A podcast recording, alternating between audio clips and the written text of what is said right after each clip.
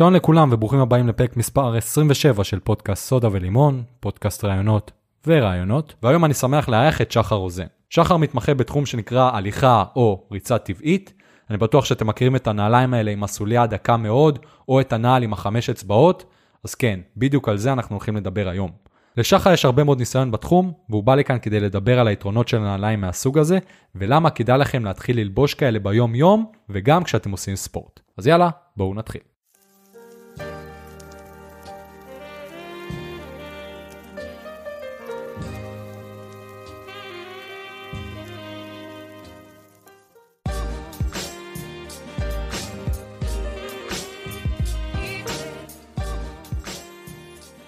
אוקיי, אז אנחנו באוויר. שלום שחר. אהלן, מה שלומך? מה קורה? הכל נפלא. חוץ ממה שלא, אתה יודע, מה כן. שמסתובב באוויר בימים אלה. כן, כמה שאפשר. אבל לפחות uh, בינתיים לא, לא הגיע ולא התקרב אלינו, אז אנחנו בסדר. לא, אתם, אה, גם יש לכם אה, חנות אינטרנט, אז גם אה, עוזר. כן, אבל גם פיזית, אז uh, אנשים באים, אבל כולנו בסדר. כן, עוד אף אחד לא בבידוד ואף אחד לא חולה. מעולה, כן, גם אצלנו בעבודה, אנחנו, היה לנו תקופה שהיו כמה בבידוד, אבל לא שמישהו הגיע וכולם נכנסו לבידוד. וואי וואי, כן, אבל אה, בסדר, מקווה שנעבור את זה. לגמרי. ברגע שאחרי יהיה כיף. אז כמו תמיד, אני אוהב להתחיל את הפרקים שלי שבו, בצורה שבה האורח מציג את עצמו בכמה מילים, ש...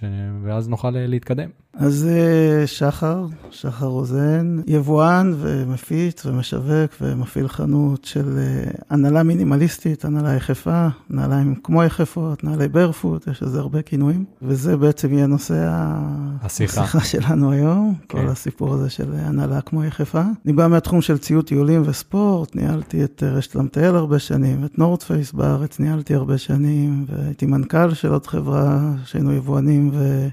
יצרנים ומפיצים של ציוד טיולים וספורט.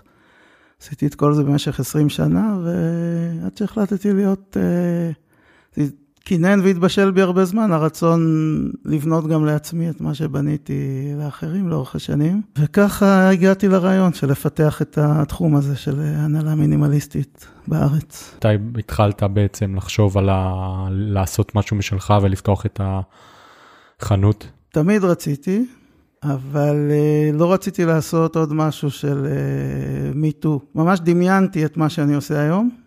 Uh, עוד לא הכרתי את התחום של הנהלה מינימליסטית והנהלה יחפה, אבל לא רציתי לעשות עוד משהו שכבר עושים. רציתי להביא איזה בשורה, איזה משהו חדש, איזה נישה, לבנות אותה ולהיות מזוהה איתה. שהתוודעתי לעולם הזה בעקבות חוויות אישיות שעברתי ו- ופציעות, ש- שזה עזר לי להשתקם ולהחלים מהם, ואמרתי שזה בדיוק מה ש- ש- שחיפשתי. כן. ואז החלטתי לייבא את זה ולהתחיל לשווק את זה, זה היה לפני, זה היה ב-2013, ההתחלה. אתה יכול לספר לי קצת על ההיסטוריה של אה, נעלי ריצה, אה, איך התחום הזה התפתח ולאן הגענו היום, ואיך בעצם אה, הנעליים שאתה אה, משווק הגיעו לעולם. נתחיל מה, מהסוף של השאלה, אוקיי. איך הם הגיעו לעולם, בעצם הם תמיד היו משחר האנושות. זאת אומרת, מה שאנחנו עושים היום עם ההנהלה שמדמה תנועה יחפה, אנחנו למעשה, כל הטכנולוגיה היא בכף הרגל, ואנחנו רק מאפשרים לה לעבוד, כפי שהיא עבדה לאורך מיליוני שנים של אבולוציה, ש, שיצרה לנו יצירת מופת, שזה כל הגוף שלנו מבחינה פיזיולוגית וביומכניקה של התנועה. ומה שקרה, איפשהו היה איזה שיבוש ביכולת שלנו אה, לאפשר לגוף ולכף הרגל לעבוד כמו שהיא בעצם בנויה לעבוד, וזה בעצם ההתערבות של הנעליים המודרניות, שהם, אה, אם זה נעלי ריצה בוא נגיד, אז יש לנו ברוב הנעליים, נעלי הריצה היום יש לנו הגבהה בעקב, זאת אומרת זה נקרא דרופ, המנח של העקב הוא גבוה ביחס למנח של אה, קדמת כף הרגל, של הכרית והבעונות. אז כף הרגל באלכסון, ואז זה מקצר לנו את שריר התאומים ומקטין את טווח התנועה של מפרע הקרסול. זאת אומרת, הרבה שנים שאנחנו בדרופ, ואני לא מדבר בכלל על נעלי עקב נניח של נשים, שזה יכול להיות דרופ של עשרה סנטימטר. שזה בכלל מטורף. כן. אז למעשה יצרנו לנו נעליים שמעצבות את כף הרגל, במקום שהן מותאמות לעיצוב הטבעי של כף הרגל, הן משנות את כף הרגל, משנות את הפיזיולוגיה ואת הביומכניקה של התנועה שלנו. הדבר השני זה תמיכה בקשת כף הרגל, בקשתות. התמיכה הזאת שיש אותה בהרבה מדרסים וכמעט בכל נעל מודרנית, יש לנו בבסיס כף הרגל, תדמיינו, זה רצועה שנקראת פלנטר פאשיה, רצועה מתוחה בין העקב לקדמת כף הרגל, וכשאני אומר דמיינו, כמובן תדמיינו כאילו יש לנו עוד סוליה שם בפנים, והיא למעשה נותנת לנו את בלימת הזעזועים שלנו הטבעית, היא צריכה להתכווץ ולהתרחב בתנועה ולהיות דינמית. וכשמאפשרים לה לפעול, אז היא נותנת לנו גם בלימת זעזועים טבעית וגם היא מתחזקת, כי היא עובדת. עכשיו, ברגע שאנחנו נותנים לה תמיכה, אנחנו גורמים לה להיות רפויה, כי אנחנו לוחצים אותה כלפי מעלה. כן. ואז אנחנו מגיעים עם השנים לפעמים לצניחת קשת, דבר ראשון, ודבר שני, בטח שהיא לא יכולה לתפקד בתפקוד, בייעוד הטבעי שלה. אז הרעיון שלנו זה להשתחרר מכל התמיכות, מכל ההגבהות, מכל התיקונים ש... שבאים לעזור לנו. זאת אומרת, שאלת על ההיסטוריה של הנעליים המודרניות. מה שאנחנו מקבלים כשאנחנו קונים נעל כזאת, שיש בה שיכוך זעזועים, שיש בה סוליה אהבה, שיש בה הגבהה בעקב, שיש בה תמיכה בקשת, יש בה גם, אה, בנעליים המודרניות יש גם עלייה מקדימה, זאת אומרת, איפה שהבעונות, הסוליה עולה כלפי מעלה. כן. וזה מנתק לנו את הבעונות מהקרקע, הבעונות צריכות להיות על הקרקע וצריכות לייצב אותנו. וכל הדבר הזה נועד לעזור, לתמוך ולהקל. אבל העזרה, מה זה עזרה? למשל בלימת זעזועים, סוליה עבה ורכה, אבל יש לנו בכף הרגל סדר גודל של 200 אלף קצוות של עצבים, שהם כמו חיישנים, הם צריכים, אם דרכנו על אבן, אנחנו צריכים להרגיש את זה. זה מעביר משוב תחושתי למוח דרך מערכת העצבים, זה נקרא פרופרוספציה התהליך הזה, שנותן לנו תחושת מיקום, זאת אומרת איפה כף הרגל במרחב ואיך להניח אותה. הדבר הזה הוא חשוב מאוד, הוא משפיע על השיווי משקל, הוא מונע פציעות, הוא נותן לנו את ההתמצאות במרחב, שברגע שאנחנו שמים על, ה... על כף הרגל שלנו סוליה בעובי 2-3 סנטימטר של אה, בלימת זעזועים כזאת, איבדנו את כל היכולת הזאת. בעצם הרגל מתנוונת. בדיוק. אנחנו, אה, טווח התנועה של מפרק קרסול קטן, הרצועה, ה plantar fascia בבסיס כף הרגל מתנוונת, ה toe box, החלק הקדמי לרוב הוא צר מדי, ואז הבהונות נלחצות אחת על השנייה, הן צריכות להתפרס, הן צריכות להיות רחבות. עכשיו, כשאנחנו מדמים תנועה יחפה, זאת אומרת, בואו נחשוב על מיליוני שנים של אבולוציה שלא היו נעליים כאלה. נעליים כאלה התחילו בעולם של הספורט, 1977, נייקי. באו לעולם ויצרו את נעלי הג'וגינג, עד אז המושג ג'וגינג לא היה קיים. וזה אפשר באמת להמונים לצאת לרוץ, כי פתאום יש בלימת זעזועים, אתה לא צריך לחשוב, לא טכניקה, לא כלום. אבל הנחיתה בריצה עם נעל כזאת היא על העקב, ואנחנו לא בנויים, הגוף שלנו לא מיועד לנחיתה על העקב. בריצה, המכה שהגוף סופג בנחיתה היא פי 6 ממשקל הגוף. תחשבו על מיליוני שנים של אבולוציה, שרדפנו אחרי ממוטות, אז לא היה לנו נעליים עם בלימת זעזועים. אז הנחיתה הייתה על קדמת כף הרגל. וזה מה שאנחנו מנסים היום לשחזר, זה להגיע לאותה יכולת תנועתית שהייתה לנו לפני שנבענו והחלשנו ותמכנו ועזרנו, כי כל העזרה והתמיכה והנוחות הזאת גורמת, כמו שאמרת, לניוון. כן. וזה הרעיון של הסוליות, של הנעליים המינימליסטיות, כמו יחפות, הנעלי ברפוט, שהן סוליות דקות מאוד, גמישות, שטוחות, רחבות. ואז כף הרגל נמצאת במנח הטבעי שלה, והגוף ביציבה הטבעית שלו, ואז קורים לנו המון המון דברים טובים. בעצם כשרצים בריצה יחפה, הרעיון הוא שהרגל רגילה למה שנקרא הפינוקים האלה של נעל אה, שתומכת ומתקנת, ואז כשמתחילים להשתמש בנעליים כאלה, מה התהליך, איך זה קורה, ומבחינת אה, הזמן שלוקח להתרגל לזה, הדברים שצריך לשים לב אליהם? שאלה מצוינת, כי דיברנו על הנושא של המבנה של הנעל וכל זה, ואיך זה משפיע עלינו מבחינה פיזיולוגית, אבל ריצה בתוך כל העולם הזה זה, זה סיפור בפני עצמו. כן. ריצה יחפה, ריצה טבעית, ריצה מינימליסטית. זה טכניקה שונה לגמרי מאיך שאנחנו רגילים לרוץ עם נעל, שיש בה בלימת זעזועים והגבהה בעקב ותמיכה בקשת וכל זה. והמעבר חייב להיות הדרגתי, דבר ראשון. מה הרעיון של הריצה הטבעית? הרעיון הוא שאנחנו מפחיתים את האימפקט על השריר שלד, את המנופים שפועלים על השרירים ועל העצמות. איך אנחנו, איך אנחנו עושים את זה? אנחנו מתכנסים, הנחיתה היא צריכה להיות מתחת למרכז הכובד של הגוף, אנחנו לא שולחים את הרגל רחוק קדימה, הפתיחה של הצעד היא לא קדימה, היא בכלל אחורה, אנחנו מרימים את העקב לכיוון הישבן, ואז נוחתים על קדמת כף הרגל ומקבלים את הבלימת הזעזועים הטבעית שהגוף יודע לתת לנו, שיש לנו את זה, וזה נורא חשוב להשתמש, כי אנחנו לא בנויים לנחיתה על העקב. הנחיתה על העקב מזעזעת את כל השלד, אנחנו רוצים להימנע מזה, זה נקרא, יש foot strike, שזה נחיתה על קדמת כף הרגל, שזה יכול להיות על הכרית, או אפילו כמעט על הבהונות, או midfoot, העיקר שלא העקב יספוג את המכה של הנחיתה, לעומת heel strike, heel strike זה נחיתה על העקב. כשאנחנו נוחתים על העקב, כל ה... אנחנו מקבלים זעזוע מאוד משמעותי, ואז חייבים בלימת זעזועים. זאת אומרת, טעויות נפוצות שיש במעבר הזה, לשאלתך, זה אחד, אה, בעצם רק להחליף מנחיתת עקב לנחיתה אה, קדמית, בלי לשנות את המנח והיציבה ואת המיקום של הנחיתה ביחס לגוף, זה נקרא overstride. אנחנו רוצים להימנע מ overstride. תדמיינו מישהו רץ עם נעל רגילה, הגוף בית החזה והראש רוכנים קדימה, כן. וכף הרגל והרגל נשלחות רחוק קדימה, והנחיתה על העקב. ברגע הנחיתה אנחנו מקבלים מעין משולש כזה שמתחיל, קודקוד אחד זה הראש, הולכים אחורה, בניגוד לכיוון התנועה, מגיעים לאגן, ואז קדימה, עד הנחיתה זה הקודקוד השלישי של המשולש. ואז אנחנו, זה נקרא overstride, overstride שה... אנחנו חורגים מקו המתאר של הגוף, שאנחנו לא זקופים, ואז המנופים... מאוד גדולים. שפועלים על השריר שלד, ה impact הוא מאוד גדול. בריצה טבעית, הנחיתה היא מתחת למרכז הכובד, אנחנו רצים זקופים, רפואיים. ריצה חרישית, מאוד שקטה, לא שומעים את זה. נחיתה על קדמת כף הרגל, ואז העקב יורד. מאוד חשוב שהעקב ירד, כי כשהוא יורד אנחנו דורכים את הרצועה שדיברנו עליה בתחילת השיחה, את הפלנטר פאשיה, שיש בבסיס כף הרגל, הירידה של העקב לקרקע מותחת אותה, ואז זה מקפיץ אותנו, מאפשר לנו לקבל החזר אנרגיה מהקרקע לצעד הבא. וכל זה בלי שום בלימת זעזוע, אנחנו מדברים על סוליות בעובי שלושה מילימטר. והסיפור זה מניעת פציעות בעצם. 80% ממי שרץ בעולם נפצע, זו סטטיסטיקה עולמית. זה נשמע לי מעט. זה מדהים, 80% מהאנשים שרצים עם נעליים רגילות נפצעו. הרבה מגיעים אלינו לריצה הטבעית בעקבות פציעות שהם עברו, והם הגיעו לאורתופד, לרופא ספורט, ואמרו, תשמעו, אתם לא יכולים לרוץ יותר. תעברו לשחייה, תעברו לרכיבה על אופניים, ריצה לא.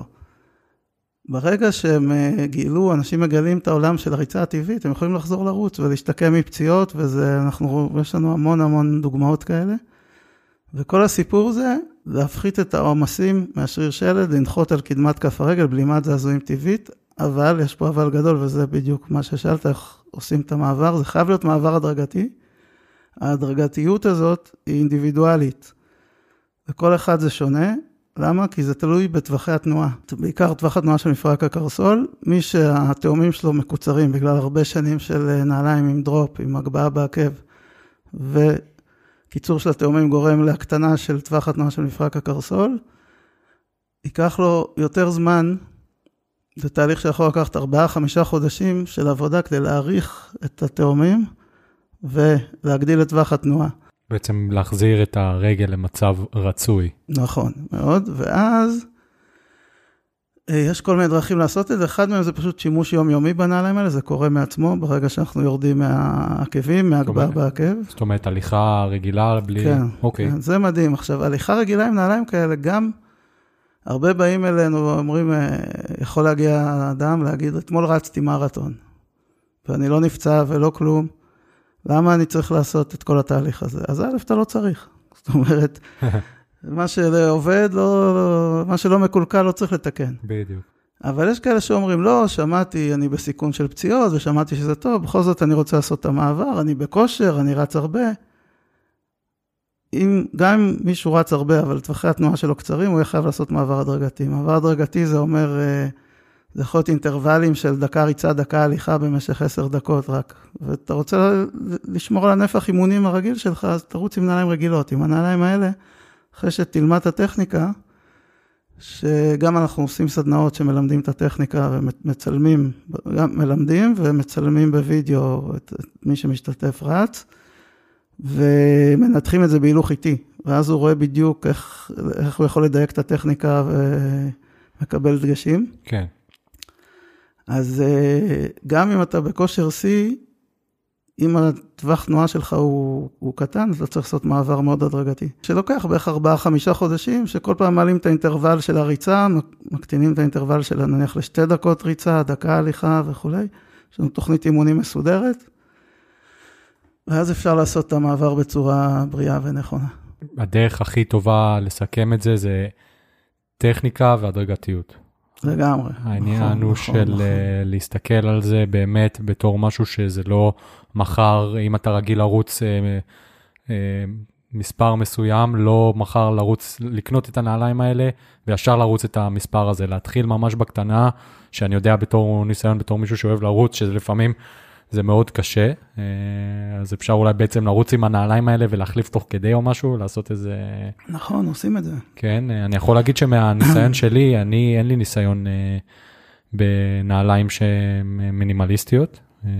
ריצה יחפה, זה משהו שאני בהחלט הולך לנסות, אני בטוח, במיוחד אחרי השיחה שלנו, אבל אני יכול להגיד שבאמת, אני פעם הייתי רץ הרבה מאוד, והיה לי, התחלתי להיפצע בברכיים. וחיפשתי כל מיני תשובות וכל אחד אמר לי משהו אחר ואז ראיתי סרטון יוטיוב די פשוט שפשוט אמר את העניין של לנחות על ה... לא על העקב אלא על החלק הקדמי יותר של הרגל.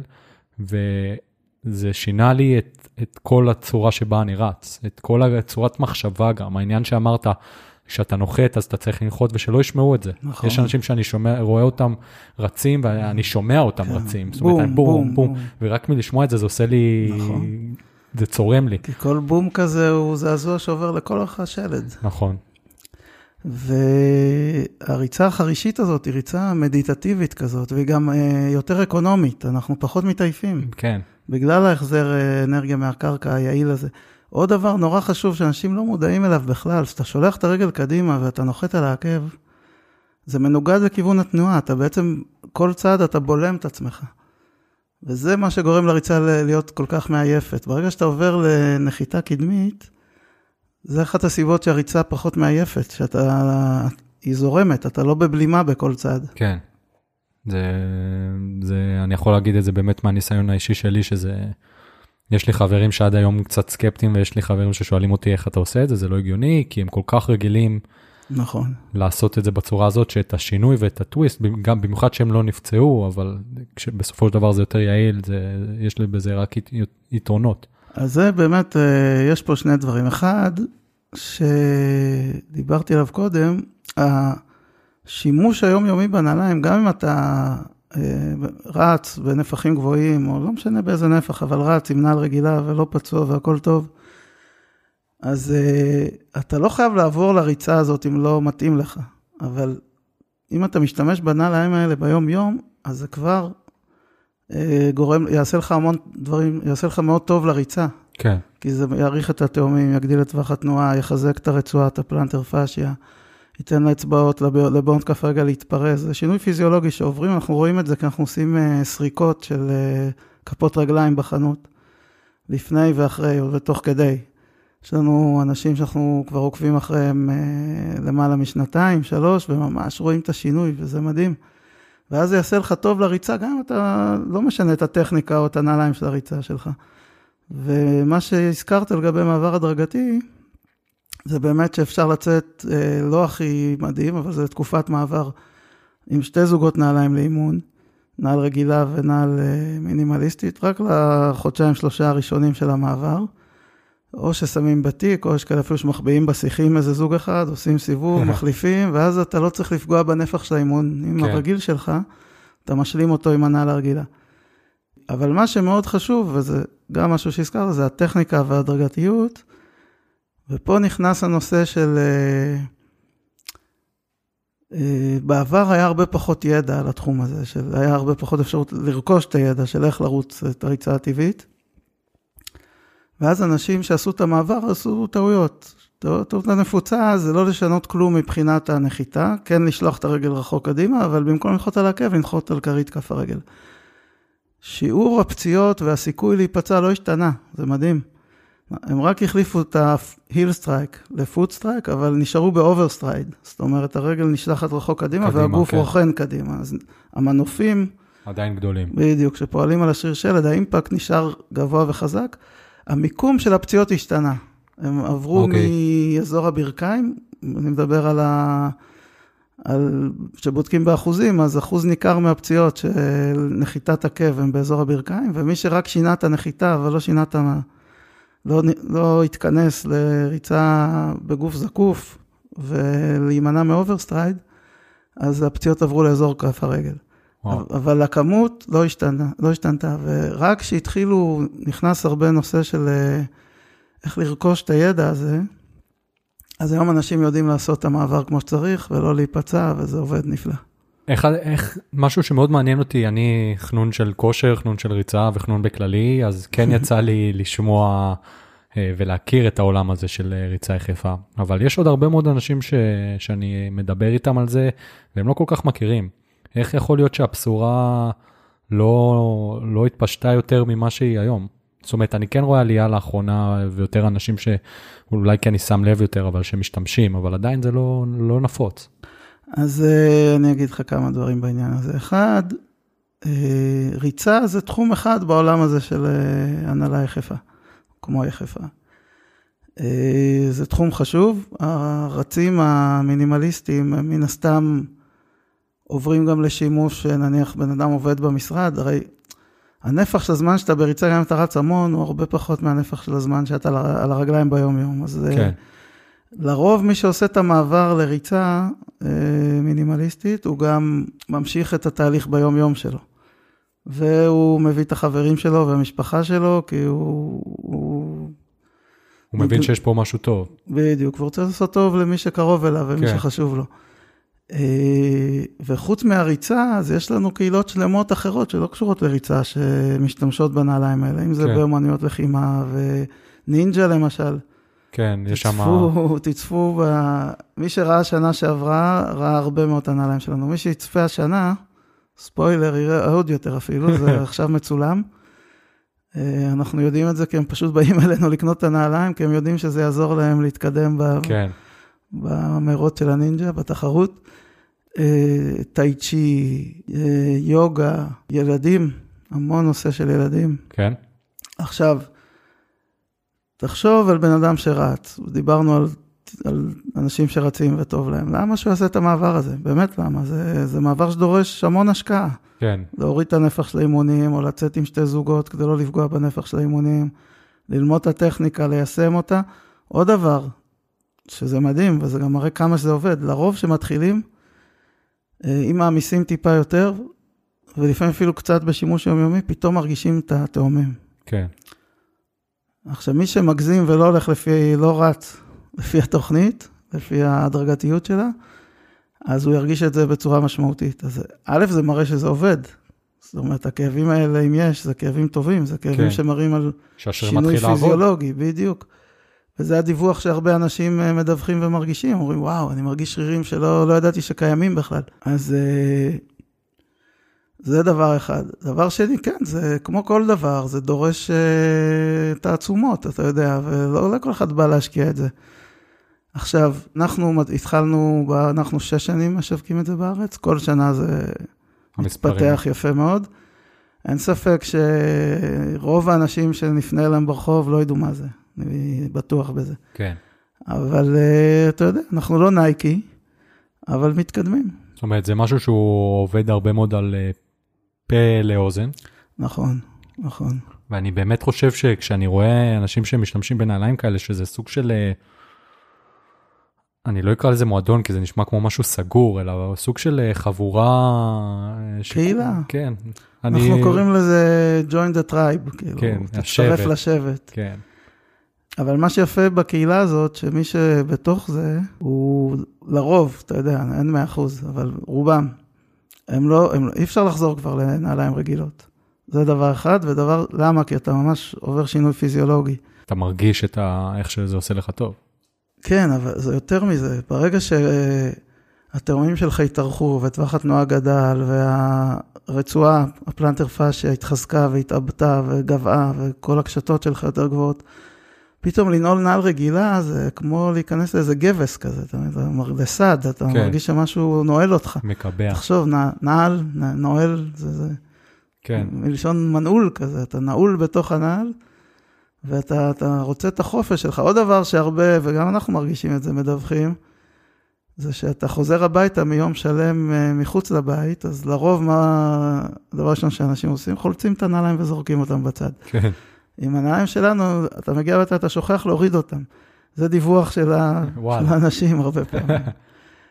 אז uh, בגלל שזה עובד ככה הרבה מאוד מפה לאוזן, גם אין לנו איזה תקציבי פרסום ושיווק, uh, אתה יודע, התחלנו ממש מ... מ... מ... מ... מצעד ראשון נקרא לזה. כן. זה לוקח זמן, אבל אני מרגיש ש... שהרבה מאוד ידעו מה זה. דווקא, לא, לאו לא דווקא בעולם של הריצה, דווקא בשימוש יומיומי. כן. אני יודע שפעם ראשונה שאני ראיתי נעליים כאלה היה לפני, אה, אני חושב שזה היה בשנת 2012. ראיתי, ראיתי איזה מישהו תייר עם, אה, עם נעליים של ה-five fingers, כן. שזה, זה אני, זה אני בטוח משהו- גם משהו שיותר שאנחנו מייבאים, יותר אנשים מכירים את זה, את נכון. הנעליים שרואים את האצבעות, נכון. שזה נכון, בהתחלה נכון. נראה מוזר. מה שיפה ב- בשאר הדגמים שאנחנו מייבאים, מלבד ה-five fingers, five fingers זה נראה עם הפרדת בעונות, זה כמו כפפה לכף הרגל. אה, מה שיפה שהן נראות רגיל, נראה- נעל נראית רגיל לכל דבר, אתה לא יכול לדעת שזה נעל, זו נעל אחרת. ב-five fingers אתה רואה, וזה מעורר הרבה, עוצרים את האנשים ברחוב, את מי כן. שנועל את זה, ולפעמים זה מטרד. ובעבר, שכל העולם הזה התחיל, זה התחיל ב-2003 עם ויבו ברפו, זו חברה בריטית שאנחנו מייבאים, הם היו הראשונים, ומהר מאוד אחריהם יצאו באמת ה-five fingers, אז לא היה הרבה מבחר. אז ה-five fingers היו מזוהות עם העולם הזה, ולא היו הרבה אפשרויות שהן לא עם הפרדת בעונות, אז זה באמת היה משהו מאוד כזה, לאמיצים בלבד. נכון, נועז. כן. היום זה, זה משהו אחר. כן, אני יש- רואה, נכנס אליכם לאתר ויש דגמים אה, מאוד מאוד יפים, זאת אומרת, דברים שאפשר ללבוש גם אה, סוג של אלגן, שאפשר ללכת עם כן. זה לאירועים, וזה... יש לנו דגמים שאנחנו, שמייצרים בפורטוגל בעבודת יד, שקונים אותם, אה, אתה יודע, עורכי דין שצריכים להופיע בבית משפט עם חליפה, וזה הולם, זה מתאים. מדהים.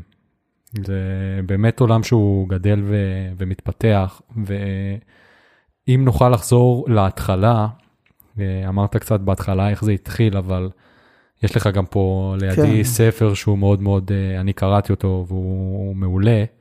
אני אשמח אה, שתספר קודם כל על הספר, שמספר. גם על ההיסטוריה של הריצה נכון. בכללי ועל נכון. אה, מה שמוביל בסופו של דבר לנעליים האלה. נכון.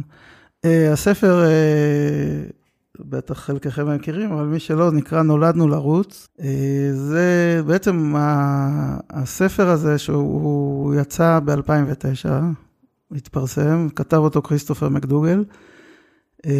הוא נתן בוסט מאוד רציני לכל התחום הזה. אני מזכיר, ויבו ברפוט התחילו ב-2003, היו מאוד אלמוניים. כמה שהיום זה אלמוני, אז תחשבו מה היה אז. 2009 יצא הספר. הספר Born to Run היה רב מכר, היה best seller בהרבה מדינות בעולם, היה גם רב מכר בישראל, אה, והוא גרם להרבה אנשים לעשות את המעבר לריצה טבעית, אבל למה בעצם? הספר, הכותר, השם שלו, Born to Run, הוא בעצם מדבר עלינו, על, על המין האנושי, על ההומו ספיאנס.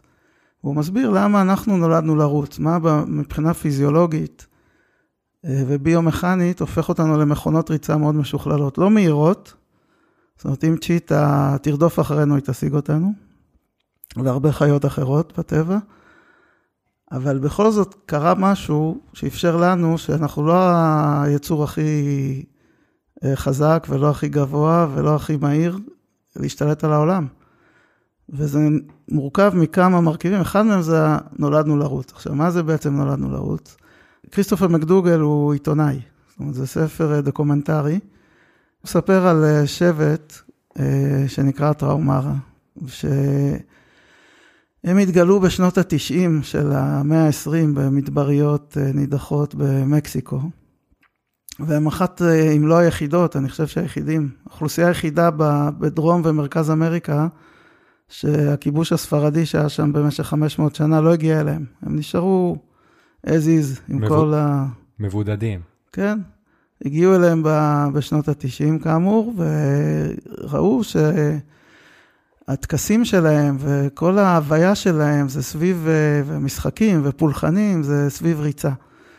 לא סתם ריצה, כפרים שלמים, קהילות שלמות, הילדים, הגברים, הנשים, הזקנים, יוצאים למרוצים של אה, מספר ימים בשטח, נעולים בסנדלים שנקראים אוראצ'ס, שזה פשוט סוליה שטוחה, שטוחה ודקה, עם איזה מיתר או שקושר את זה לכף הרגל.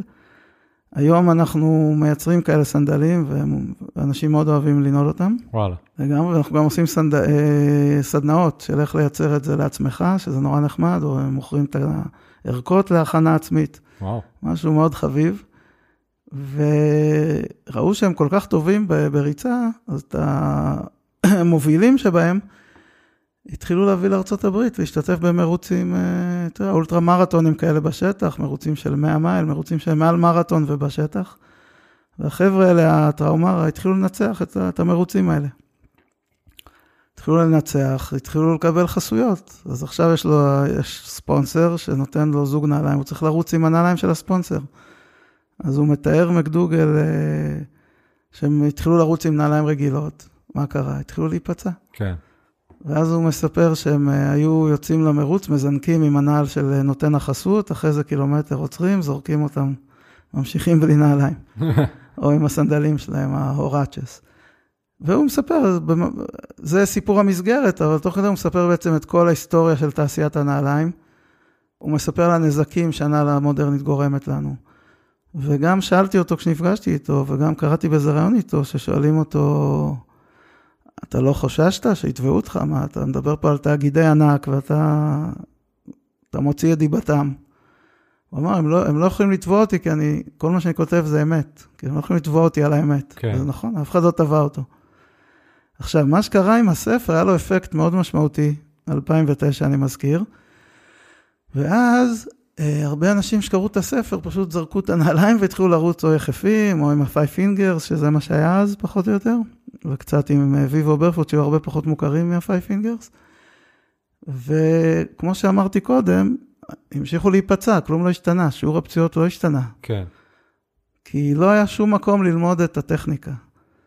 היה רק את הסיפור, זה נתן בוסט מאוד גדול, היו, היו מרוצים יחפים ותנועות שלמות של ריצה יחפה, הרבה בארצות הברית, בקליפורניה, סן פרנסיסקו, היו הרבה. ראו שנפצעים, אז זנחו את זה וחזרו לנעליים רגילות. ואז סביב היציאה של הספר, הגרף של השימוש בנעלי ברפוט זינק אה, בצורה מאוד משמעותית. ואחרי זה שנה-שנתיים ירד, כל מה שעלה בעקבות הספר ירד. מה שהשתנה מאז, שנוספו הרבה כלים לרכוש את הידע של איך, אה, איך לבצע את המעבר הזה ואיך איך, איך ליישם את הטכניקה בצורה נכונה של הריצה הטבעית. הכוונה כל המדריכים ביוטיוב, סרטונים, כן, דברים שאפשר או, למצוא לבד. גם יש המון, אה, המון וידאו שמסביר, המון חומר. יש אה, סדנאות כמו שאנחנו עורכים למי שמעוניין. וסדנאות של ריצה טבעית.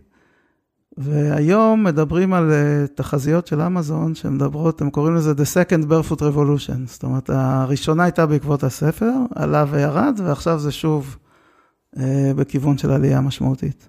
ממש כמו מניות. כן. אפשר לומר שנכנסת מוקדם ל... עם uh, כמה מניות טובות ש... לגמרי. כן. משהו שמעניין אותי, ציינת את התאגידי ענק, את אה, נייקי ואדידס ואת כל החברות האלה. אני זוכר שהיה תקופה מסוימת, אני חושב בדיוק בתקופה של אה, שנת 2010, 11, 12, שהיה להם אה, נעליים מינימליסטיות. נכון. וראו מאוד. את זה בחנויות. לגמרי. ופתאום, כששמתי לב, ראיתי שלאט לאט זה דועך ואין להם יותר, נכון. יותר מדי דגמים כאלה. מה, מה קרה שם? אז יפה, יפה, על ה... זאת הבחנה מדויקת מאוד.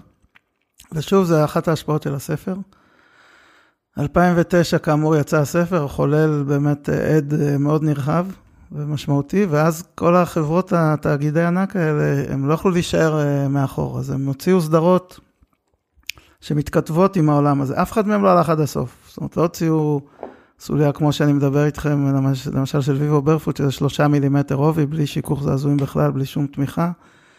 אבל הם עשו, למשל נייקי היה Nike Free, ל New Balance יש Minimus, חלק, חלקם עד היום מריצים חלק מהדגמים האלה. אה, ברוקס היה להם Pure, וכן הלאה וכן הלאה. מה הם עשו? הם עשו נעליים עם קצת שיכוך זעזועים, לא כמו הנעליים הרגילות שלהם, עם, עם drop במקום אה, סנטימטר וחצי, דרופ, אני מזכיר, זה הפרש גובה בין המנח של העקב למנח של הבעונות. זאת אומרת, שיוצא לנו את האלכסון הזה של, שאנחנו נמצאים בו. כן. האלכסון הזה, דרך אגב, גורם לנו, אנחנו צריכים לפצות על זה, כשאנחנו רוצים הרי להיות זקופים. אז כל הזמן אנחנו מפעילים כוחות, אפילו סתם שאנחנו עומדים וכף הרגל בדרופ, כדי להתיישר, אנחנו מפעילים כוחות ששוחקים את המפרקים. אבל מה, לחברות האלה אין עניין לפתח את הנישה הזאת. כי זה שומט את, ה... את הקרקע מתוך כל, מתחת לכל מה שהם עושים. מה הם כן. עושים הרי? הם עושים בלימת זעזועים, עושים... כן. התחרות ביניהם זה מי יבוא עם הדבר הבא שייתן לך את הבלימת זעזועים היותר טובה, את הריכוך, את השיכוך, ג'ל, אר, בוסט, whatever. אז פתאום, אם אין לך צורך בכל זה, אז מה ההבדל בין, בין נייקי לאדידס ל New Balance? זה הכל... כן, אותו דבר. כן, השיווק הוא על מי מצליח לתת לך את הבלימת זעזועים היותר אפקטיבית. כן. שגם פה יש אה, אליה וקוץ בה מאוד משמעותית.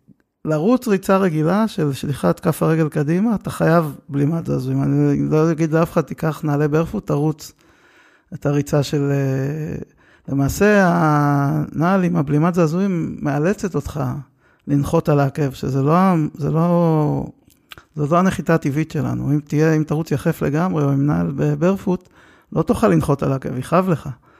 אז מיד אתה תתקן. אבל יש פה עוד דבר, ש... כשאתה קונה נעל כזאת בחנות מקצועית, חנות ממש טובה, אתה יודע מה הם אומרים לך שם כשאתה קונה, אם הם ממש טובים? מה?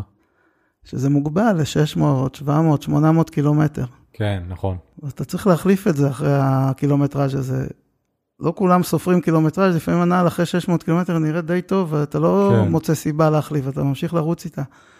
אבל מה שקורה ב-600 קילומטר האלה, שהבלימת זעזועים הכל כך אפקטיבית שאתה מקבל כשהנעל חדשה, כבר אחרי הצעד הראשון, זה לא באותה, זה לא זה לא קו של עד 600 קילומטר, אתה מקבל את אותה אפקטיביות של בלימת זעזועים, ואז זה יורד לאפס. זה הולך ונדחס, החומר. הוא קורס לתוך עצמו, הוא, הוא מתקשה, הוא מתעוות, כל אחד עם העומסים של איך שהתפלגות המשקל של הגוף אה, שלו אה, על גבי כף הרגל והסוליה, והוא מתעוות ומתקשה. אז למעשה, יצא, קנית נעל חדשה, יצאת לרוץ איתה. הריצה הבאה, יש לך בלימת זעזועים פחות אפקטיבית מהריצה הקודמת, ואחרי 300 קילומטר עוד פחות, וכן הלאה וכן הלאה, 600-700 קילומטר, תזרוק, תקנה חדש. כשהבלימת זעזועים היא בכף הרגל, אתה יכול לרוץ עם הנעל for good, אין, אתה כן. יודע, יכול להיות שיום אחד היא תתפרק, זה גם קורה אחרי כמה אה, שנים. שחיקה אבל... של הסוליה או משהו. בדיוק. אז זה דבר שצריך לשים לב, שאתה לא מקבל את אותה איכות של בלימת זעזועים לאורך כל ה-600-700 קילומטר שאתה רץ עם הנעל, וזה, אם אתה באמת אה, מקפיד לשים לב את, את הקילומטרז שאתה עושה ולהחליף אותה אחרי כן. 600-700 קילומטר, שאנשים, ששנינו יודעים שמגיעים גם ל-1500 קילומטר. כן, אני האמת אה, הייתי בטוח שזה טריק שיווקי כדי שתחליף את הנעליים. לא, זה כמובן אה, בונוס עבורם, כי אתה צריך להחליף כן. מדי תקופה, אבל אה, זה פשוט לא עובד יותר. כן. ואז אין לך בלימת זעזועים, ואז עוד אחד הדבר, הדברים שגורמים לפציעות. אתה חייב בלימת זעזועים סופר כשאתה רץ עם נחיתת עקב. מה הדעה שלך על מדרסים? שאלה מצוינת. כי אנחנו עוסקים הרבה בעניין הזה, מהכיוון ההפוך, מה הכוונה? אה, מדרסים זה דבר טוב, מי שצריך מדרס, זה עוזר לו. כל אחד מהפתולוגיות שלו, כמובן, לא אצל שרלטנים ולא, אתה יודע, יש היום בבסטות, בעגלות בקניונים שעושות לך מדרסים. כן. צריך ללכת למומחה שיעשה לך את המדרס, וזה יקל עליך, אם יש לך איזושהי פתולוגיה ש... ש... שדורש את ההקלה הזאת, את התמיכה וכולי. אבל הגישה שלנו היא הפוכה, אנחנו לא נגד מדרסים. מי שזה עושה לו טוב וצריך את זה וזה עוזר לו, שישתמש. אנחנו מציעים פתרון אחר. פתרון שלנו מייתר את השימוש במדרסים, כי הוא עובד על חיזוק טבעי של כף הרגל, הרבה הרבה סביב פלטפוס למשל, כף רגל שטוחה, שנגרמת מ... יש שני גורמים. הגורם השכיח זה גמישות יתר של הרצועה בבסיס כף הרגל, הפלנטר פאשיה. זה יכול להיות או באמת מהרבה שנים של שימוש בנעליים עם תמיכה בקשת, ברצועה, או גם משהו מולד וכולי. אז המדרס נותן תמיכה ומגביה ומחזיר את זה למנח הטבעי. אבל זה לא מתקן שום דבר, זה רק עוזר לחיות עם, ה, עם מה שיש, עם הפתולוגיה. כן. להתחיל ללכת עם אה, נעליים, אה, נעלי, נעלי ברפוט, הרצועה מתחילה לעבוד, מתחזקת, מתאבעה, התמיכה שלה, ב, ב, יש לנו בכף הרגל 26 עצמות. זה משהו מדהים, זה אומר המון המון עצמות קטנות. במבנה, זה לא קשת, זה קשתות, יש לנו קשת פנימית, קשת חיצונית וקשת רוחבית. זה יוצר בעצם מעין כיפה כזאת. ומתחת לכיפה הזאת יש את הרצועה, וככל שהיא עבה וחזקה, אז הקשת יותר נתמכת וגובעת. וזה אנחנו רואים בסריקות של התפלגות המשקל ומבנה כף הרגל שאנחנו עורכים בחנות אצלנו, אתה ממש רואים את השינוי עם השנים. ולמעשה באים אלינו כדי להיפטר מהמדרסים. זה פתרון שמאפשר להרבה אנשים להיפרד מהמדרסים. אה, המדרסים יוצרים תלות, ככל שאתה הולך יותר עם המדרסים, יותר זקוק להם. כי זה לא, לא רק שזה לא מתקן את הבעיה, אלא לרוב זה, זה עלול להחמיר אותה גם. כי... כן. עכשיו, יש פלטפוס למשל, שיכול גם לנבוע מסיבות גרמיות, שהרקמה הרכה, הסחוס בין העצמות, בין אותן 26 עצמות קטנות שיש בכף הרגל, מסתיידת, מתקשה, ואז זה נהיה גוש, גוש אחד כזה, כל כף הרגל. פלטפוס מסיבות גרמיות, לא תמיד זה עוזר השימוש בנעליים שלנו, אבל זה המצב הנדיר. זה יכול לעזור, ייקח הרבה יותר זמן, לא בטוח שיעזור, אה, אבל לרוב המקרים של הפלטפוס זה גמישות יתר של ה plantar fascia, ואז זה עוזר מאוד, ומייתר את הצורך במדרסים. אני, מהנקודת אה, מבט שלי, כל הזמן אומרים לי שיש לי, עשיתי כל מיני בדיקות בחנויות של ריצה, שצילמו לי את הרגל ואמרו שיש לי קריסה ואני צריך נעל כן. אה, תומכת. מתקנת. stability. נכון, נכון. stability. נכון. ואז הייתי פעם בתחרות, והיה שם מין דוכן כזה של בוא תמדוד את הרגל שלך ונגיד לך אם אתה צריך מדרס או לא. ובפעם הראשונה שעשיתי את זה, הם הסתכלו לי לרגל ואמרו לי וואו אתה חייב אתה חייב את המדרסים האלה אם אתה לא תיקח את המדרסים האלה אתה תיפצע יש לך סכנה לפריצת דיסק הייתי בן 20 פריצת דיסק וזה ואני נכנסתי ללחץ והייתי שנייה מלהוציא את הכרטיס אשראי. אבל חיכיתי ואז הייתי באותה תחרות והיה שם בדיוק את אותה חברה ומישהו אחר. ומדדו לי את הרגל והוא אמר לא אתה חייב זה נחמד אבל אתה לא חייב ואז הבנתי שיש פה. הרבה מאוד עניין של מנטליות, זאת אומרת, גם מישהו, יכול להיות שאני מאוד מאמין בפלסיבו, שזה כאילו, יכול להיות שזה לא באמת עוזר לך, אבל המוח אומר לך שזה עוזר, וזה כבר מה שעושה את כל ההבדל. אבל uh, בשבילי זה לא, לא, לא, לא, לא, לא ניסיתי, אבל לא, לא היה שם. נגעת בשתי נקודות מאוד מאוד אה, חשובות. הסיפור הזה של עולם המדרסים, אני לא, אני משתדל לא להגיד שום דבר על, אתה יודע, על ענפים אחרים. כן, ברור. אבל uh, כמו בכל תחום, גם אינסטלטור שתזמין הביתה, אם אתה נופל על מישהו שהוא שרלטן, אז אתה אה, אוכל אותה. כן. וזה קיים לצערי, זה קיים בהרבה תחומים, גם בתחום המדרסים, לא כולם, אבל יש. כי זה נורא קל להעמיד אותך על המשטח הזה, הפרשר, זה נקרא pressure plate, שמודד את החלוקה של המשקל של הגוף על פני כף הרגל. ואתה רואה פתאום איזה משהו, וכל אחד יכול לספר לך... סיפור אחר, כן. כן. על אותו דבר. מישהו יראה בזה כף רגל מושלמת, ומישהו אחר יגיד לך, אתה חייב מדרס. אבל אתה דיברת על, ה... על שני דברים, דיברת על הנעל מתקנת, stability, אה, ושוב, בחנויות מקצועיות, חנויות ממש טובות, שאין הרבה כאלה כן. לצערי בארץ, הם עושים לך את האנליזה הזאת, שמצלמים אותך רץ מאחורה, ואז בודקים יש לך קריסה. ואומרים, אם יש לך קריסה, מה זה קריסה? זה גמישות יתר של מפרק הקרסול, שבכל צד יש לנו כזה נטייה, יש pronation, אה, שזה נטייה פנימה, ויש supination, שזה נטייה החוצה. השכיח זה pronation, כן, נטייה פנימה. כן, זה מה שיש לי. קריסה. כן. התיקון הזה, שתקבל, מה זה התיקון? לוקחים נעל אה, שיש לה כבר סוליה שבעובי איזה שלושה סנטימטר, ובמרכז הסוליה עוד מכניסים בלוק שהוא קשיח יותר. רואים את זה בדרך כלל סוליה לבנה, ובאמצע יש גוש אפור. כן. זה מסמן את הנעליים המתקנות, וזה באמת מונע את הקריסה פנימה. כמו עם המדרסים, זה לא מתקן שום דבר, זה לרוב אפילו מעצים את התהליכים של ההיחלשות שלה והניוון של הרצועות, שזה מה שגורם לקריסה. אה, אנחנו עובדים עם הבעונות. מאוד מאוד חשוב, יש מושג שנקרא טו ספרינג. תיקחו כל אחד, יכול לקחת את הנעל ש, שיש לו בבית הרגילה, והוא יראה שהחלק שה... הקדמי של כף הרגל מתרומם למעלה. לפעמים אפילו, יש לי פה דוגמה שהבאתי, שאני יכול להראות ליאיר, אנחנו מדברים פה על איזה שלושה סנטימטר גובה. כן, זה החלק הקדמי של הנעל, שתמיד, נכון. כל אחד יכול להיות בנעל שלו שזה עולה. למה כזה. הם עושים את זה? כי הם, הם רוצים לעזור. דיברנו שכל המבנה של הנעל המודרנית זה להקל ולעזור. זה כאילו לעזור לנו לגלגל את הצעד. כשאנחנו מסיימים את הצעד, אנחנו רוצים להרים את כף הרגל לצעד הבא, אז, אז הטור ספרינג הזה, העלייה הזאת מקדימה, עוזרת לנו לגלגול של כף הרגל. אבל אנחנו לא צריכים את זה. אנחנו לא רוצים שום עזרה. יש לנו מכונה מדהימה, שהתפתחה במשך מיליוני שנים, שהיא פלא, ולא צריכים לעזור לה, כל עזרה רק מפריעה. אנחנו עובדים עם הבהונות. הבהונות של כף הרגל בסוף כל צד, אנחנו צריכים לנעוץ אותן בקרקע, בעיקר את הבוהן הגדולה, היא אצבע מאוד חזקה, יש לה שריר מלמעלה ושריר מלמטה. הנעיצה של הבהונות בקרקע מונעת את הקריסה פנימה, את אותו pronation שציינת שיש לך.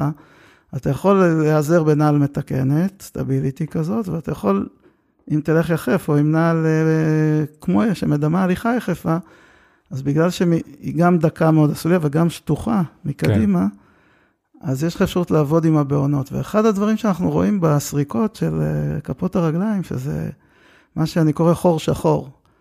רואים שכף הרגל נגמרת ואין בעונות, הן באוויר. וזה בגלל הרבה שנים של אה, נעליים עם טור ספרינג גבוה, שהחלק הקדמי מוגבה. ועוד דבר שהוא בעייתי בחלק הקדמי של הנעל, שזה צר מדי.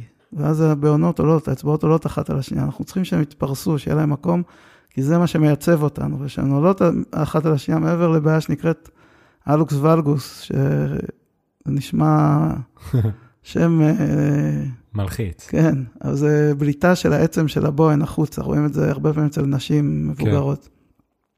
זה סבל, יש נשים שמגיעות לניתוח, שממש חותכים להם את העצם או מחזירים למקום, או שהן משתמשות בכל מיני סדים אנחנו דרך אגב ממליצים uh, על קורקטורס, uh, שזה מסיליקון, לכל אחד. זה פותח את הבעונות, זה להכניס, כאלה, להכניס את הבעונות לתוך מבנה כזה מסיליקון שמאפשר להם להתפרס. אבל בשביל זה צריך נעל רחבה, עם נעל צרה זה לא יעבוד. אז uh, האפשרות לתקן, עם ה... שאנחנו נועצים את הבוהן בקרקע, זה מה שמונע את הקריסה פנימה. כן. ותוך כדי מפרע הקרסול מתחזק. במקום להחליש אותו עם התמיכה, אנחנו מחזקים אותו. אז זה הפתרון הטבעי. אז בסופו של דבר הדרך הכי טובה לסכם את הנעליים האלה, הן פשוט נותנות לגוף לעשות את מה שהגוף צריך לעשות. לא, הם לא משפיעים, הם לא, הם ניטרליות לחלוטין. בדיוק. ו... כן. הכי טוב לנו להיות יחפים, כן. מכיוון שלא תמיד אנחנו יכולים, יש קוד לבוש ואתה הולך לעבודה, אתה הולך לבית ספר, אתה לא רוצה גם להיפצע מזכוכיות כן. וכולי. אז הנעליים האלה, וזה סיכום מצוין למה זה הנעליים האלה, הן בעצם אה, מאפשרות לך להיות הכי קרוב ליחף, רק עם נעליים. כן. ואז הסוליה בסך הכל נותנת לך בידוד טרמי, שזה הגנה מחום וקור של הקרקע, והגנה ממסמרים, זכוכיות, קוצים, כל מיני דברים שיש לנו ב... כן. במקומות שאנחנו מתהלכים בהם. אני רוצה להעלות נקודה, שזה נושא של ילדים. אוקיי. כי ההשפעות שאנחנו רואים הן השפעות של אנשים שנעלו נעליים כאלה רגילות. 20, 30 שנה, וממש רואים את השינוי, במב... את השינוי לרעה של... הפיזיולוגי שאנחנו עוברים. ואגב, מדהים לראות את התיקון, הוא קורה מאוד מהר. הגוף מתקן את עצמו חצי שנה, עשרה חודשים, זה מדהים לראות. כן, זה... בעולם, ה... אם נקרא לזה, העולם הרפואה, זה, זה שינוי מאוד uh, מהיר. זה מדהים. כן. מה הסיפור עם ילדים? ילדים, וכל הנושא של הריצה שדיברנו עליו, דרך אגב, הדרך אה, לפתח את הריצה זה לעשות סקווטים, זאת אומרת להגדיל את טווח התנועה, זה תרגיל מצוין, צריך לעשות אותו כמה שיותר. ואנחנו רואים ילדים עד גיל 5-6, ואנחנו מצלמים אותם, אותם, מצלמים אותם בשני מצבים, אחד רצים, יחפים, ושניים שהם קוראים, שהם עושים סקווט, deep squat, הם עושים את זה מושלם. הם רצים, בשבילי לראות ילד רץ, יחף, זה שירה. כי אני כל כך בתוך העניין של הביומכניקה והאנטומיה, וכל מה שאנחנו מנסים ללמד את המבוגרים, אנחנו רואים את זה בילדים. כן. מה קורה בגיל 6? אתה רואה משהו שמשפיע עליהם אחרי זה לכל החיים? בית ספר. בדיוק. המעבר לבית ספר הוא טומן בחובו, דבר ראשון, מעבר לאורח חיים יושבני. פתאום הם יושבים חמש, שש שעות ביום, אחרי זה שבע, שמונה, לפעמים עד הפנסיה, הולכים למשרד כל יום ויושבים. אומרים שהכיסא זה האויב מספר אחת של המין האנושי. כן, שמעתי את ה... שבעתיד ידברו על כיסא כמו שמדברים היום על סיגריות, כאילו... כי... אבל זה דבר אחד. והדבר השני, זה שכבר מתחילה ההשפעה של הנעליים. כשאני רואה ילדים בגיל 4-5 הולכים איזה נעל עם עקב מוגבע, ו... ולא חסר, ולא לא נעלי עקב, סתם אפילו נעלי ספורט או נעליים, כל מיני שנעליים, לא, לא, לא אנקוב בשמות. כן. זה, זה ממש עצוב לי, כי אתה רואה איך זה מדכא את, את הפוטנציאל של התנועה הטבעית שלו, פתאום הוא צריך להתאים את עצמו לאיזה נעל שלא קשורה לכלום. שאללה יוסטור, מאיפה היא נחתה עליו, על הילד הזה, והוא רץ איתה, והוא מטייל איתה. אבל עד גיל 5-6 זה עוד לא ניכר. כן. תיתן לו לרוץ יחף, אתה תראה בדיוק את הריצה שדיברתי עליה. גב זקוף, גוף רפוי, נחיתה על קדמת כף הרגל, מתחת למרכז הכובד. פשוט איך שאנחנו מלמדים, שאנחנו, ואני מראה בסדנאות, אנחנו מראים, צילמתי, הבן הקטן שלי היום בן שמונה, יש לי ציל, אה, וידאוים שלו שהוא היה בן חמש. הוא זה מדהים, כי גם הוא לא מתקלקל. כי א', הוא כל השנים עם הנעליים האלה. כן. באמת משתדלים שהוא יהיה כמה שיותר בתנועה. אז הוא עוד לא מקולקל, אני מקווה שהוא לא יתקלקל. אבל אה, אני מראה בסדנאות אה, וידאו שלו שהוא רץ, שהוא היה בן חמש. ואני אומר להם, תסתכלו על זה, וזהו. זה, זה מה שאתם צריכים לעשות. כן. או squat. הילד עד היום, הוא יכול לשבת ב deep squat שעתיים. הישבן יהיה שני סנטימטר מעל הקרקע, והוא ישחק בלגו שלו או משהו. והשבוע, ושוב, הוא כבר לא קטנצ'יק, שמונה, ראיתי אותו יושב על שולחן ב squat, הישבן היה באוויר, והוא כולו בשיא הטבעיות, הוא לא, הוא לא פוחד שהוא ייפול, הרי מי שיש לו טווח תנועה קצר, ב deep squat הוא ייפול. נכון, ייפול אחורה. שיווי משקל. או שהעקב יתרומם. כן. אבל... אז uh, מה שקורה עם הילדים, אחד הדברים שאני מנסה מאוד uh, להוביל, זה לאפשר, אני מתחיל מהבית ספר של הילדים, מהבתי ספר של הילדים שלי, ואני מקווה שזה יתפתח הלאה, זה לאפשר להם uh, ללמוד בעמידה.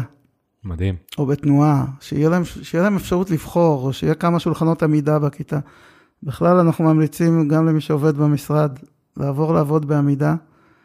זה משפר חיים, זה life changer. אנחנו יודעים שיש ארגונים שלא מאפשרים את זה, וזה הזוי. מוזר. לגמרי. כן, זה צורת חשיבה מאוד מיושנת. יש כאלה שזה מפריע להם, שפתאום מישהו עומד באמצע ה-open space של כן. המשרד, או לא יודע מה. אבל הרבה אחרים כן מבינים את זה ומאפשרים להכניס או שולחן שאפשר לכוונן אותו לעמידה, או איזו תוספת לשולחן שמאפשרת לעבוד בעמידה. ואז אתה כל הזמן בתנועה, גם כן. אם אתה לא רוצה, אתה, נכון. אתה לא נכנס לניוון הזה שהישיבה גורמת. אני יכול להגיד שאני גם מנסה לעבוד בעמידה, וזה מאוד מאוד חשוב, אפילו אם לעשות אה, שוב פעם הדרגתיות, אז לעשות את זה חצי שעה ביום, נכון. נגיד עובדים תשע שעות, אז גם החצי שעה הזאת ביום זה כבר משנה, אפילו, וכל פעם להוסיף קצת. כן, אפילו מתוך כל שעה, עשר דקות כן. בתור התחלה. כן, וזה מדהים מה שאתה מספר כאן, כי זה מתקשר לפרק שעשיתי עם אה, מישהו בשם אה, דוקטור מיכאל הרלינג, שהוא רופא משפחה, הוא השתתף גם בנינג'ה, והוא בן 50 אה, ומשהו, וזה פשוט מדהים לראות אותו מבחינת כושר, למרות שאני מתאמן, הוא בכושר הרבה יותר טוב משלי. הוא mm. פשוט מדהים, ויש לו ספר שהוא כתב, של תרגילי על זה נקרא, ובו הוא בעצם פיתח סוג של טכניקה, ואחד מהדברים שהוא מדבר עליהם זה קודם כל באמת ללכת יחפים, שהמגע הזה של הרצפה, העצבים מתעוררים. העובדה שלפעמים אתה קצת, הוא אומר שהפחד הזה משאיר אותך ערני וגורם למוח לפעול, וזה משאיר אותנו ערניים ו, ואת המוח אה, מתפקד בצורה טובה. ובאמת התנועה זה כל כך כל כך חשוב, וזה מדהים איך זה מתקשר למה שהוא אמר ולמה שאתה אומר, שאני כל כך מאמין בזה. זה לגמרי נכון. אתה יודע שכף היד היא גם רגישה מאוד. כן. כמו כף הרגל. ואתה לא, לא יכול לדמיין שתשים לך על כף היד כפפה מגומי בעובי שלושה סנטימטר. כן, זה בלתי נסבל. אתה לא תוכל לעשות כלום, אבל זה מה שאנחנו עושים לכפות הרגליים. כן. אפרופו, דיברנו על, ה... על נולדנו לרוץ, הרי, ועל איך זה שהמין האנושי השתלט על העולם, ההומו ספיאנס. ו... וזה אחד, אחד הדברים של, אחד הדברים של אה, מה זה בעצם נולדנו לרוץ, למה אנחנו בנויים לריצה, ולמה זה מה שאפשר לנו להשתלט על העולם, זה למין האנושי, להומו ספיאנס, יש אה, שתי תכונות שמבדילות אותו מה, מכל שאר החיות בעולם. כל החיות עושות שלושה דברים. הן מתרבות, נחות ואוכלות או מחפשות אוכל. כאילו, כן. כשהן לא ישנות או נחות, אז הן מחפשות אוכל, וכשהן לא מחפשות אוכל, הן אוכלות אותו, ואז הן נחות, ואז כן. הן מתרבות, זהו. זה הכל. כולם. לנו יש יכולת ייחודית, בואו נלך שנים אחורה, אה, שאפשרה לנו להשתלט על העולם, וזה היכולת שלנו לשתף פעולה אחד עם השני, והמבנה הפיזיולוגי שלנו שהוא ייחודי ומאפשר את הריצה, את הריצת התשה, את הריצה לטווח ארוך, את הריצה בעצימות נמוכה, אבל לאורך זמן. כן. אז אמרנו, צ'יטה תשיג אותנו, אבל אנחנו יכולים לרוץ גם 100 קילומטר בלי לעצור. ריצה איטית, שקטה, יעילה. יעילה, ומה זה אפשר לנו? דמיינו להקה של הומו ספיאנס, רודפים אחרי עדר ממוטות, אז היכולת שלנו לשתף פעולה והיכולת שלנו אה, לרוץ, מאפשרת לנו או לבודד את החלש ולתפוס אותו, ואז יש לנו אספקה של חלבון ו- ושומן, שזה מה, מה שאפשר למוח להתפתח. והרבה מעבר לצורך שלנו, של הקיום היומיומי, או להוביל את כל העדר לאיזה נקיק, או איזה קניון, ש... וללכוד אותם שם, ואז יש לו אספקה, שוב, יש לנו אספקה לכל הלהקה, ואז המוח גדל, גדל, גדל. כמובן זה שהזדקפנו, ואנחנו הולכים על שניים, אז השתחררו לנו הידיים, אז התחלנו לפתח כלים. האש, שזה אפשר לנו לגלות, אפשר לנו לרכך את הבשר הזה של הממוטות, או של מה של הציד שלנו, של ה... שהיינו ציידים לקטים. ואז בארוחה של, ברגע שזה רך, העיכול יותר מהיר. ובארוחה של 20 דקות, חצי שעה, קיבלנו כמות אנרגיה שמספיקה לנו לחמש-שש שעות, לחצי יום. התפנה לנו זמן, בזמן הזה פיתחנו כלים, יצרנו את המהפכה החקלאית, המהפכה התעשייתית, והגענו ל- לירח ולאייפונים. כן. אז זה, הכל מתחיל מ-born to run. כן. זה, זה היכול, האפשרות שלנו להזיע, והמבנה שלנו, להזיע אז הגוף מקרר את עצמו, אנחנו לא חייבים לעצור אחרי הספרינט, אנחנו יכולים להמשיך. וההזדקפות על שתיים, שאפשרה לנו את הריצה הטבעית הזאת עכשיו. את כל הדבר המדהים הזה, שזה מה שאפשר להומו ספיאנס להשתלט על העולם. לא היה לנו נעליים עם בלימת זעזועים וער וג'ל, רצנו עם איזה פיסת אור שקשורה לכף הרגל, וזהו, כן. או יחפים. וזה מה שאנחנו מנסים היום, אה, לשחזר. כן, מדהים.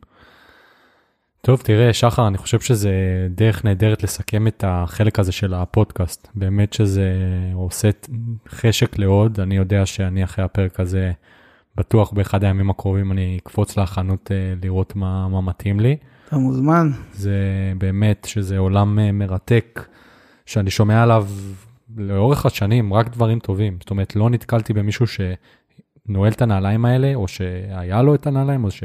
שפשוט אומר לי, זה לא שווה את זה. כולם, כשאני שואל אותם איך זה, ותמיד כשאני רואה מישהו, אני מרגיש בנוח לשאול אותו, כולם מחייכים ואומרים זה מומלץ. אז באמת, אה, אני ממליץ לכולם, ו- ו- ותודה לך. עכשיו, בשמחה. יש עוד חלק לפודקאסט, אוקיי. שנקרא שאלות כלליות, שבו אה, אני שואל את האנשים שמגיעים, שאלות כלליות. אז אה. שנת- שנתחיל? יאללה. אם לא היית עוסק במה שאתה עוסק היום, בשום צורה, מה, מה היית רוצה לעשות?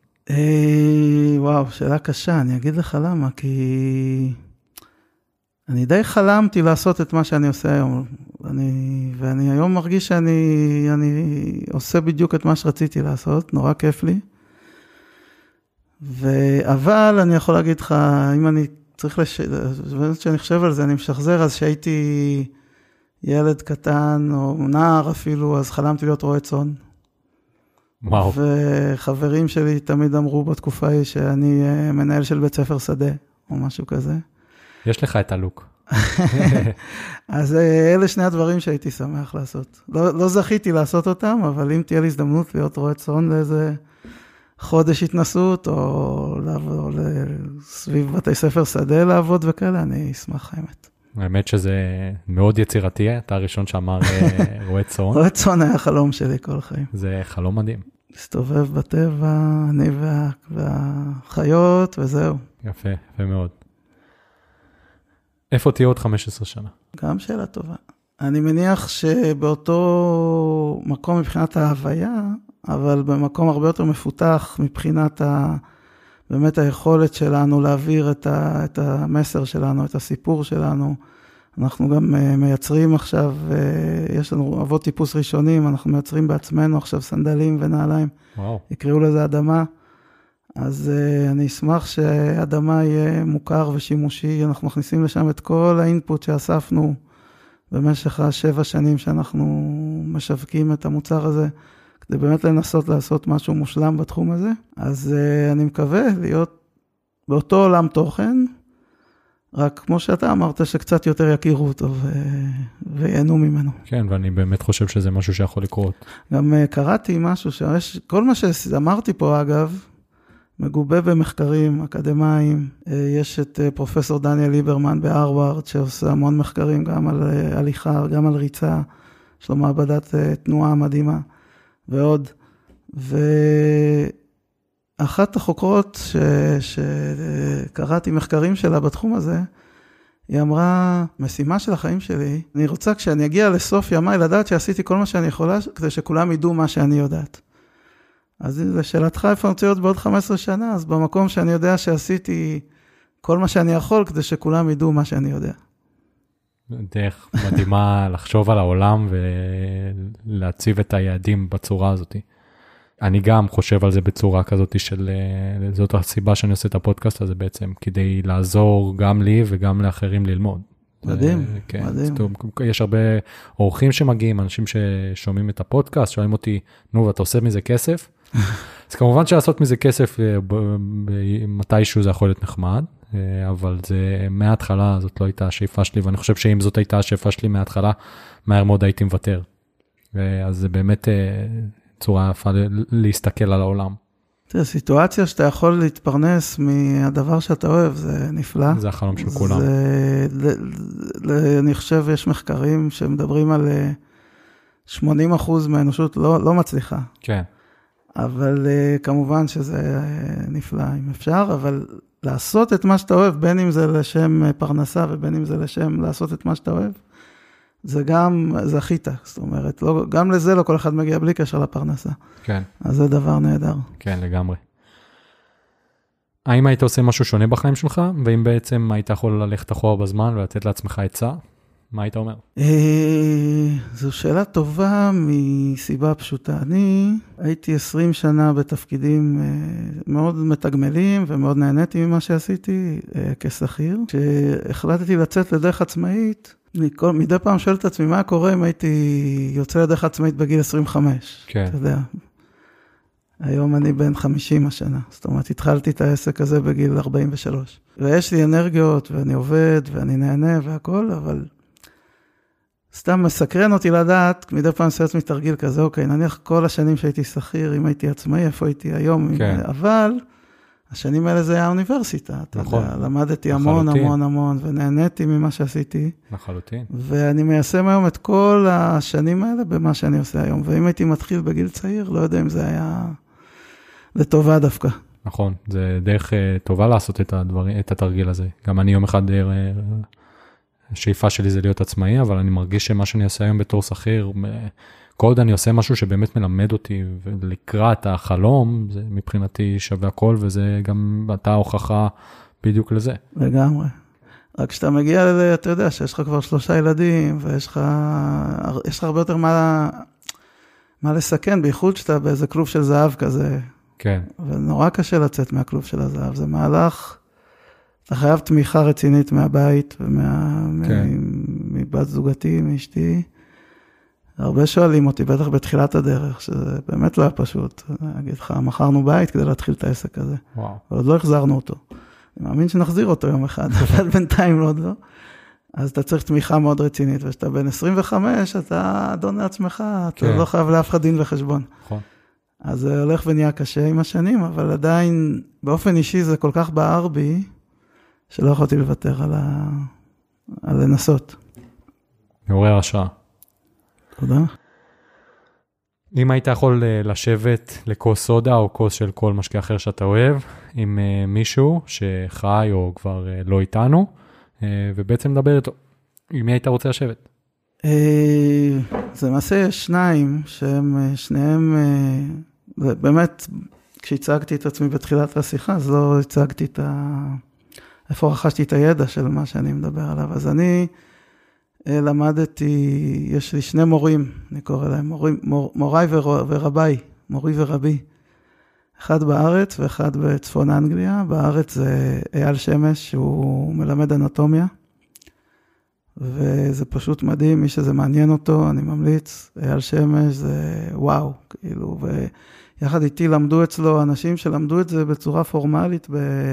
באים, באים ללמוד אצלו אנטומיה, אנשים שמטפלים מכל הסוגים והמינים ומאמנים בכל הדיסציפלינות, ושהם למדו בצורה פורמלית אנטומיה, אבל אייל שמש מלמד, הוא מלמד אנטומיה, אבל הוא נותן, הוא עושה ויזואליזציה, זאת אומרת, הוא מלמד על כף הרגל, אז הוא נותן לך נניח גוש פלסטלינה, הוא אומר לך, עכשיו תפסל את כף הרגל, ואז אתה לומד בצורה מדהימה, כי, כי אתה צריך ליצור את הדבר הזה. אתה מרגיש את מה שאתה עם- לומד. כן, אז עם אייל שמש הייתי ממש שמח לשבת על כוס סודה, והשני זה לי סקסבי, שהוא מאמן ריצה, הוא האורים והתומים של הנושא של הריצה המינימליסטית, הריצה הטבעית. אה, למדתי אצלו המון, נפגשתי איתו המון, גם אצלו, הוא חי בחווה באנגליה עם אה, משק אוטרקי כזה, מגדל לעצמו את כל ה... לו ולמשפחה את, את האוכל שלהם, יש להם תרנגולות חופש שם, ו, והוא מלמד את הנושא של ה, איך לרוץ נכון. גם הבאתי אותו לארץ פעם להעביר פה קורס, זה היה חוויה מדהימה. וואו, אז גם עם לי סקסבי הייתי שמח לשבת על כוס סודה, אנשים מעניינים.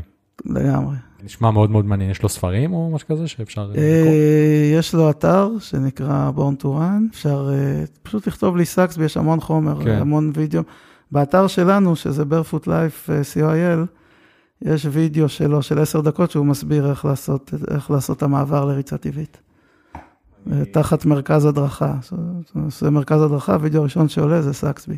אני חייב, חי- רוצה להדגיש אה, למאזינים שכל ההמלצות שיש בפרק ובפרקים בכללי, אני שם במין אה, אה, אקסל כזה מסודר, שתוכלו אחרי זה בקלות למצוא את כל הדברים שדיברנו עליהם. אם היית יכול להיות שר כלשהו בממשלה, כמו שר הבריאות או שר החוץ, איזה שר היית רוצה להיות ולמה?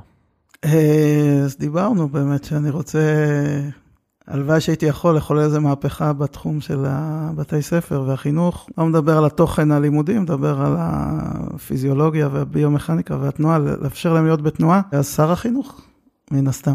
כן, מתקשר בצורה מדהימה למה שאמרת מקודם. כן. האם אתה עושה כושר, ואם כן, איזה סוג? כן, אני למעשה הגעתי לסיפור הזה של הנהלה מינימליסטית בעקבות אה, פציעות שעברתי, פציעות בריצה. כל פעם שנפצעתי, מה זה נפצעתי, היו לי איזה ארבע פציעות רציניות במשך השנים. נניח קראתי שריר פעם אחת, היה לי איזה סחוס, אה, מיניסקוס בברך, הייתה לי איזה דלקת בגיד אכילס, והיה לי דורבן. אני מדבר איתך על שנים של ריצה, כן. כן.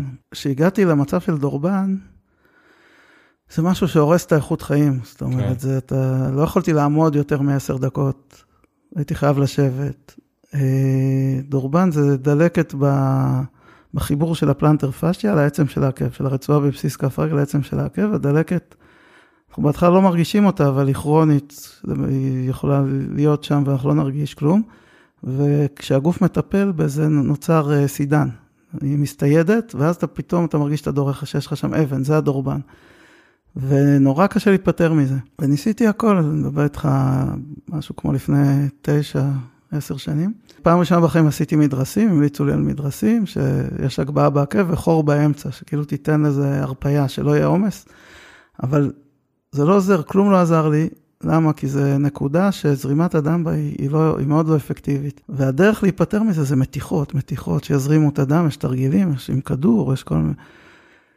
כלום לא עזר. ואז uh, התחלתי לקרוא ולבדוק, שמעתי על הסיפור הזה של הנעליים שמדמות תנועה יחפה, והייתה לי נסיעת עבודה ללונדון, ויבו ברפוט זה מלונדון, נכנסתי לחנות שלהם, קניתי זוג נעליים.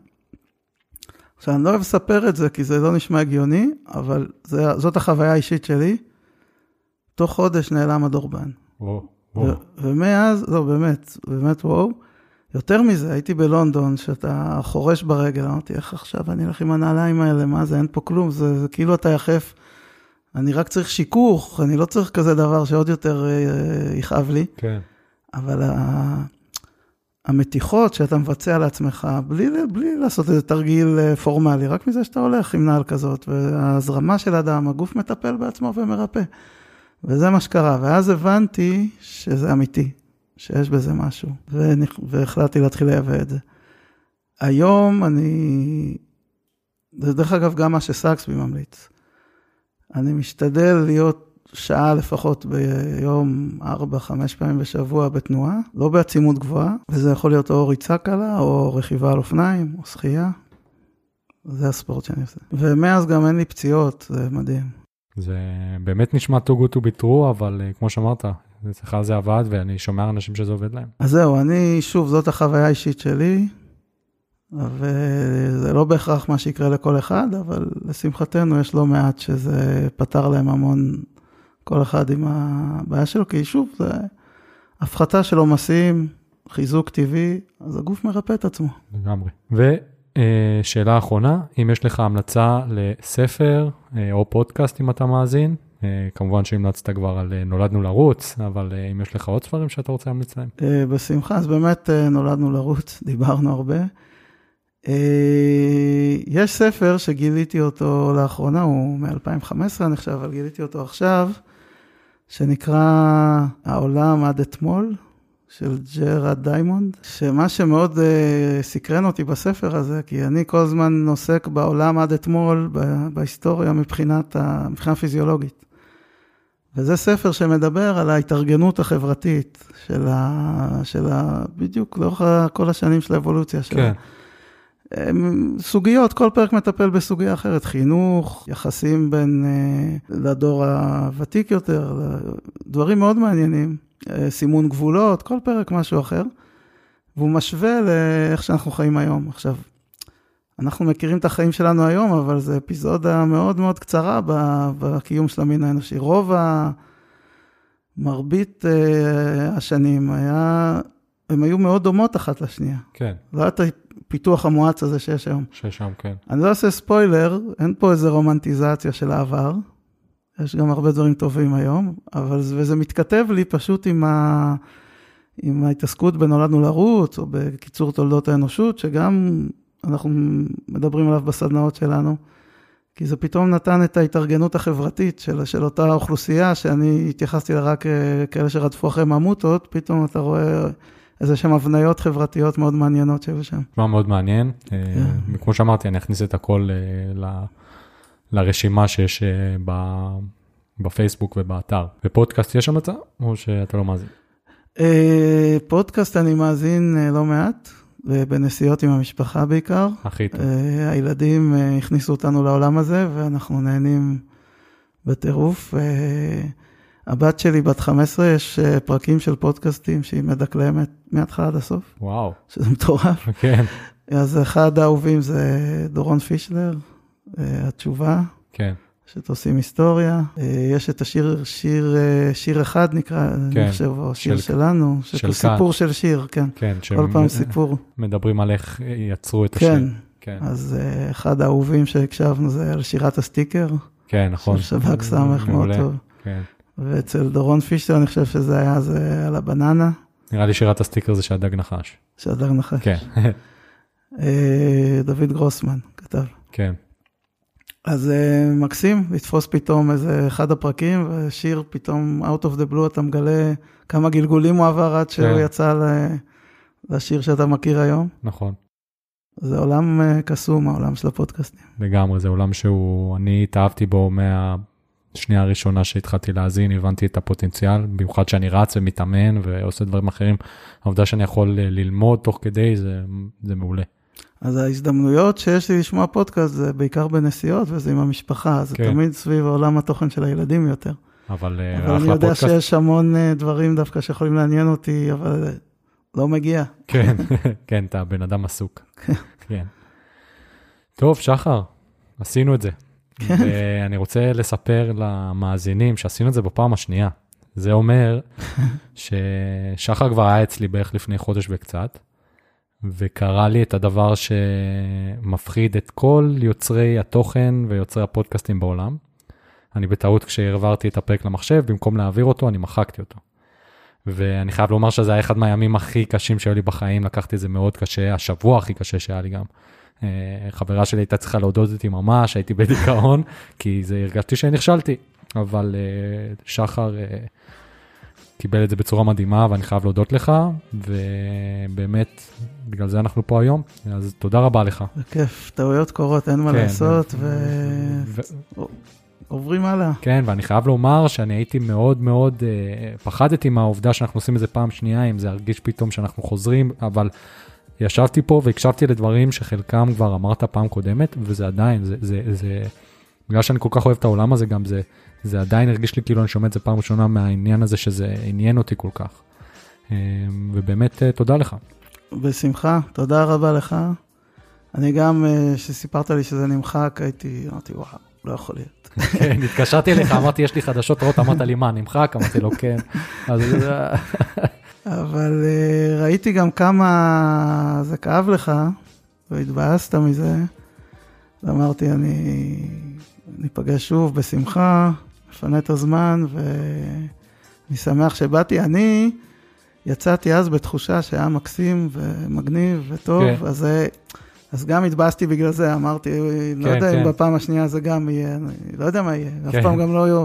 עכשיו אני לא יכול להגיד שאף פעם, כי זו כן. פעם שנייה. כן, שאני מתראיין, התראיינתי בטלוויזיה, ברדיו, אבל זה לא פודקאסט, כזה שיחה, כן, אישית כזה. כן. אז אה, מאוד מאוד נהניתי, ותודה לך על ההזדמנות, ותודה שלא ויתרת שנעשה את ה- את הפעם השנייה, כדי שזה לא יימחק לדיראון עולם. כן, וזה- אני חייב לומר שכמות הפעמים שהסתכלתי פה על המקליט, שהכל עובד כמו שצריך, אני חושב שזה היה לפחות 20-30 פעם בפרק הזה. אז אה, כן, טוב, אז פעם שלישית לא יהיה. לא יהיה, לא יהיה. טוב, אז תודה רבה לך, שחר, בשמחה רבה, תודה לך. ותודה רבה לכם המאזינים שהקשבתם לפרק מספר 27 של פודקאסט סודה ולימון, פודקאסט רעיונות ורעיונות. כמו תמיד, אם אהבתם את מה ששמעתם, תספרו לחברים שלכם, אם לא אהבתם את מה ששמעתם, תספרו לי מה אני יכול לעשות כדי להשתפר, ואם אתם מעניינים בעצמכם, שלחו לי הודעה ובואו אה, נדבר על זה. אז עד הפעם הבאה, אני הייתי יאיר פישביין, כאן עם שחר רוזן, יאללה ביי. שנייה אחת לפני שאנחנו מסיימים, מרוב ההתרגשות שהצלחנו להקליט את הפרק בפעם השנייה, שכחתי לשאול את שחר איפה אפשר להשיג את הנעליים ואיפה אפשר לשמור איתם על קשר. אז קודם כל, יש להם עמוד פייסבוק שנקרא barefoot life מקף vivo barefoot ישראל, יש להם גם עמוד אינסטגרם, וגם יש להם אתר אינטרנט www.barefootlife.co.il, וגם יש להם חנות בתל אביב ברחוב בוגרשוב 74, שבה אתם יכולים למדוד את כל הנעליים ולקבל ייעוץ. אז תודה רבה לכם, ויאללה ביי.